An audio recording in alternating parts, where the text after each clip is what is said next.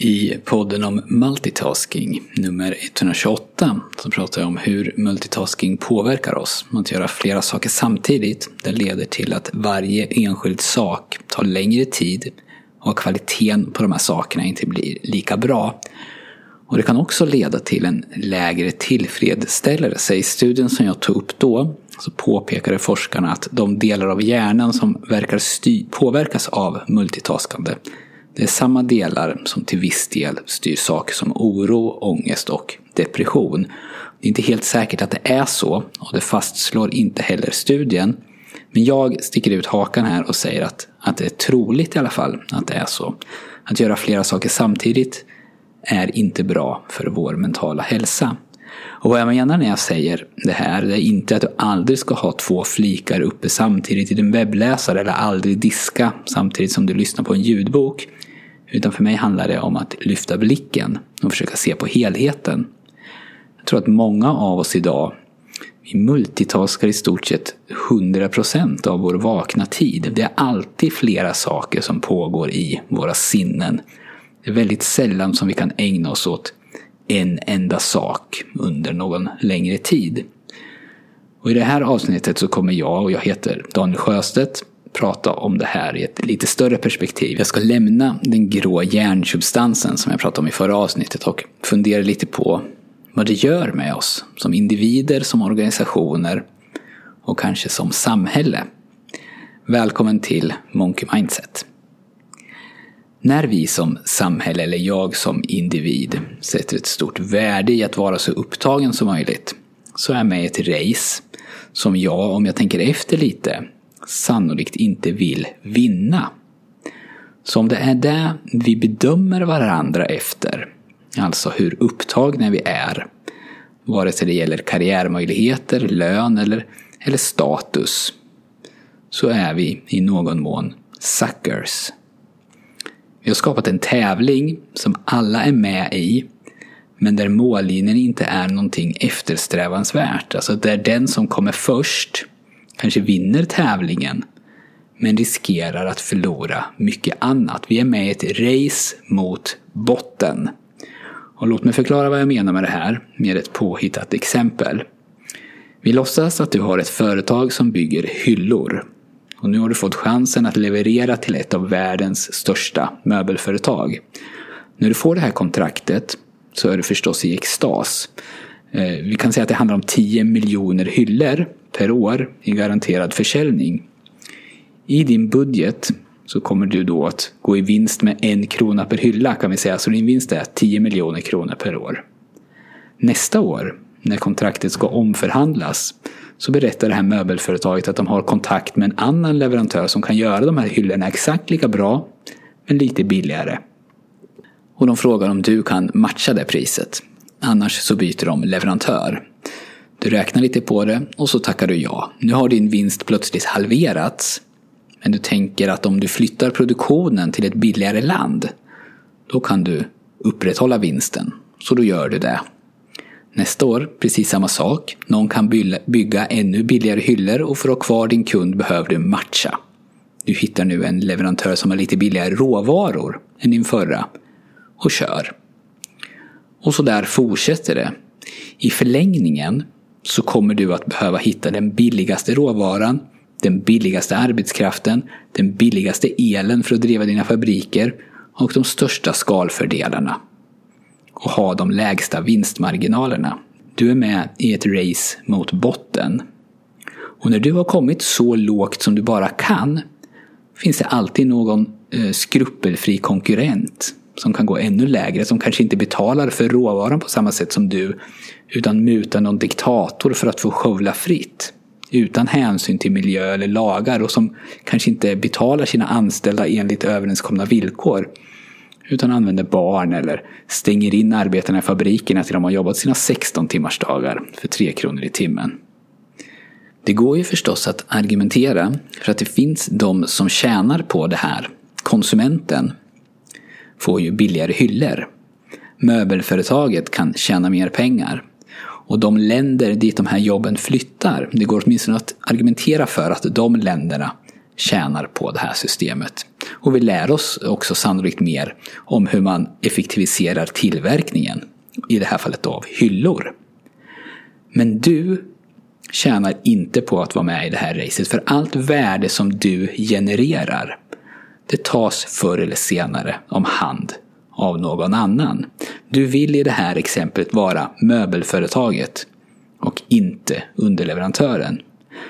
Och i den här världen, tillverkningsindustrin, då går det att mäta antal hyllor som tillverkas per timme, vad de kostar och vilken kvalitet de håller. Det går att räkna ut att om den här trucken till exempel kör en sträcka i fabriken som är tre meter kortare inför varje lastning och det sker 300 lastningar per dag, då kommer vi att kunna tjäna i snitt 15 öre per enhet.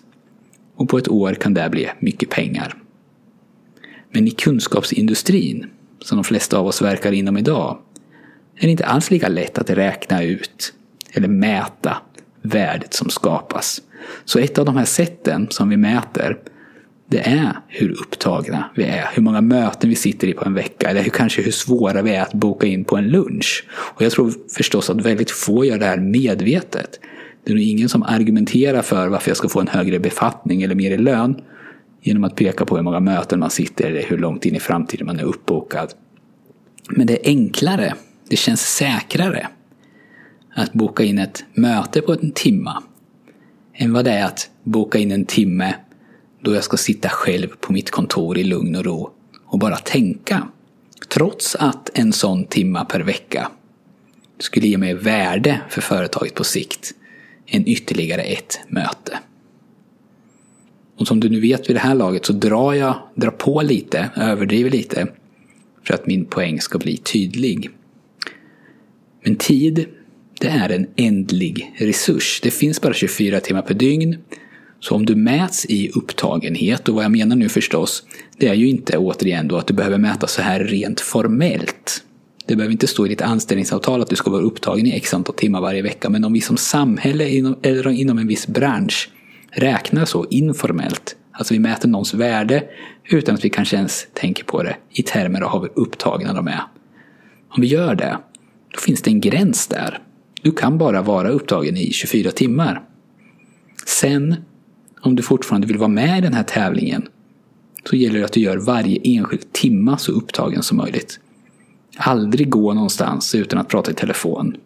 Aldrig äta lunch utan att jobba. Småspringa från en plats till en annan. Eller mejla och smsa samtidigt som du sitter på ett möte. Och så vidare. Du blir mer och mer upptagen, du gör fler och fler olika saker, du håller fler och fler bollar i luften.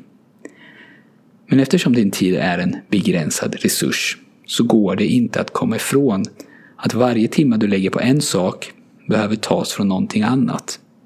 Varje minut du lägger på att försöka få ditt schema att gå ihop, den minut som du inte kan lägga på att fundera på hur du ska skapa värde för din kund. Varje sekund som din uppmärksamhet är på någonting jobbrelaterat kan den inte samtidigt vara på någonting familjerelaterat. Och till skillnad från tillverkningsindustrin så är det inte alls säkert att det skapas värde av det här racet mot botten. för, för när man räknar på det, som jag berättade om i förra podden om multitaskande, så är det väldigt tveksamt. Vi får inte mer gjort, det blir inte bättre gjort och våra liv blir inte bättre av att göra det. Det enda skälet att det fortfarande går att göra så här det är att alla andra gör det. Alla andra är med i samma tävling och ingen reflekterar ens över att det kanske är fel tävling. Och nu sa jag alla, men jag menar inte exakt alla. För några, de är istället med i en annan tävling. Tävlingen mot toppen. Och där utvärderas man efter andra kriterier. Om valet då står mellan att göra någonting bättre eller att göra någonting billigare eller snabbare så är svaret oftast då att göra det bättre. Bättre går först. Och då gäller det förstås att ta reda på vad bättre egentligen betyder. Vad är det som vi strävar efter i vårt företag eller i vår familj för den delen? Exakt, vad är det exakt? Och när vi vet det, vad behöver vi göra för att åstadkomma det här? Exakt. Och så lägga den tid vi har till vårt förfogande på att göra de sakerna så gott vi kan med fullt fokus utan distraktioner. Och om man kan klara av det, eller åtminstone sträva åt det hållet, så kommer massor värde att skapas. Och du är nu med i en tävling där du faktiskt vill vinna. Och man kan och titta på det här på många olika sätt. Rent matematiskt så tycker jag också att logiken finns där. Om vi räknar timmar till exempel så når vi ju väldigt snabbt vårt tak. Om jag ger upp allt annat i livet och jobbar 16 timmar istället för 8 så gör jag bara dubbelt så mycket i bästa fall. Mer realistiskt är ju då att mycket mindre blir gjort den 16 timmen än vad som blev gjort den första timmen. Och på en arbetsvecka eller en arbetsmånad så kan man troligtvis också mäta det här. Det finns alltså en gräns där man till slut förlorar i produktivitet på att försöka få in timmar. Så 16 timmar per dag istället för 8 kanske ger, nu gissar jag bara, men det kanske ger en och en halv gånger så mycket produktivitet. Och risken att produktiv produktiviteten ska gå ner till noll, den ökar ju också då eftersom risken för att man bränner ut sig ökar.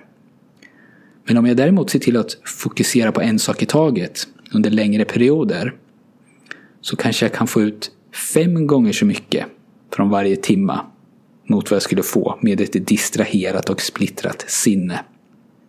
Och om jag kan se till att jag ägnar varje timma åt det som är absolut viktigast för att uppnå det vi vill uppnå. Alltså om jag är stenhård i mina prioriteringar istället för att ägna mig åt det som råkar ligga på mitt skrivbord just nu. Då kanske skillnaden på sikt är hundra gånger. Och om man ser på det så här att en fokuserad timma ger fem gånger mer värde än en ofokuserad, vilket inte är orealistiskt, och att rätt prioritet i varje läge kan ge mycket, mycket mer än så.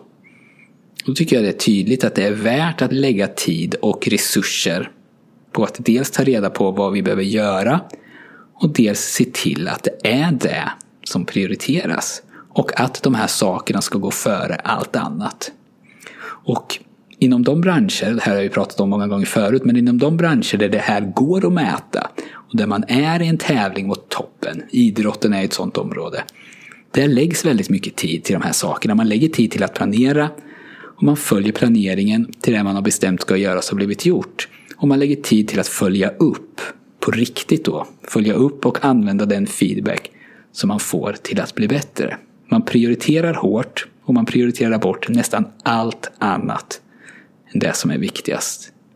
Och man strävar efter att när man väl presterar så gör man det med högsta möjliga fokus.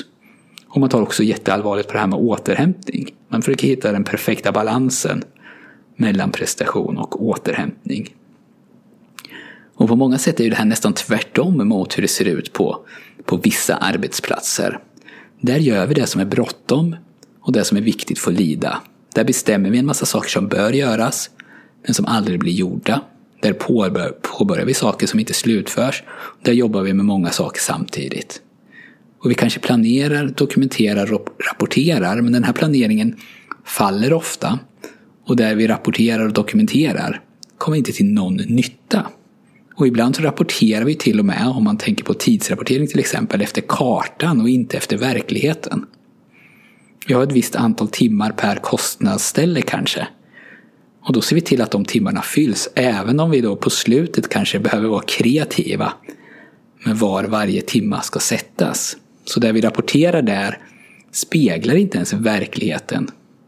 Vilket ju när man tänker på det är helt absurt och går tvärt emot vad syftet med tidsrapporteringen var från början. Och att förändra det här, det kräver förstås en hel del och det verkligen inte lätt. Men jag tror att det finns mycket att vinna på det. Att försöka att påbörja den här processen. För alla egentligen. Och det krävs kanske en hel del mod. Att börja våga säga nej till sånt som är viktigt men inte lika viktigt som det vi har bestämt ska prioriteras.